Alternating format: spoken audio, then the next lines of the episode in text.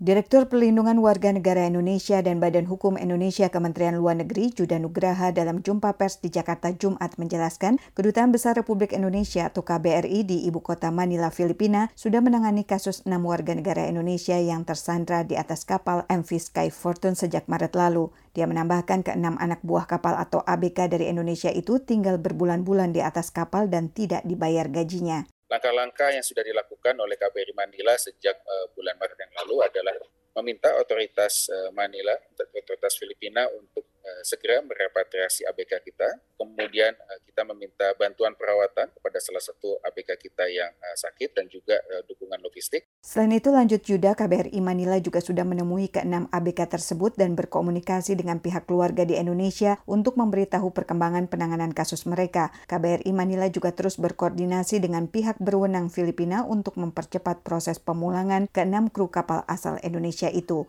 Dia mengakui keenam ABK Indonesia tersebut dipekerjakan secara ilegal bukan melalui agen resmi. Mereka dinaikkan ke kapal MV Sky Fortune di tengah laut perairan Batam, Kepulauan Riau. Mereka ditahan di atas kapal sebagai tuntutan ganti rugi oleh pemilik kapal karena sebagian muatan beras rusak. Masalah lainnya kapal MV Sky Fortune berada di Tobacco yang bukan merupakan wilayah yang ditetapkan sebagai lokasi pergantian kru kapal. Hingga 2 Agustus lalu, menurut Juda, otoritas Filipina telah memberitahu KBRI Manila bahwa mereka tengah mencari lokasi untuk memungkinkan proses pergantian kru, pengisian pasukan logistik, dan penanganan kesehatan ABK dari Indonesia.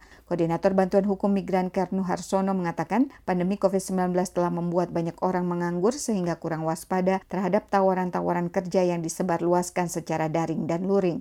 Pengawasan yang minim lanjutnya juga menyebabkan banyak tenaga kerja Indonesia direkrut melalui proses ilegal pengawas sama minim, kemudian juga kebijakannya tumpang tindih ya, dari beberapa uh, kementerian ini. Sehingga memang agak menyulitkan. Ditambah lagi ketidakjelasan, misalkan kalau tidak ada agen ini memang agak sulit ya. Misalkan mereka tidak ada kontrak kerja, misalkan ada kontrak kerja, kontrak kerjanya juga tidak memihak ya, artinya gajinya murah, misalkan hanya 150 sampai 250 Nur Harsono menegaskan pemerintah Indonesia bisa menuntut pertanggungjawaban pemilik kapal untuk segera melunasi hak-hak keenam ABK dari Indonesia tersebut. Dia menilai KBRI Manila lambat menangani kasus mereka karena sudah tujuh bulan mereka belum berhasil dipulangkan ke Indonesia. Dari Jakarta, Fatia Wardam melaporkan untuk VOA Washington.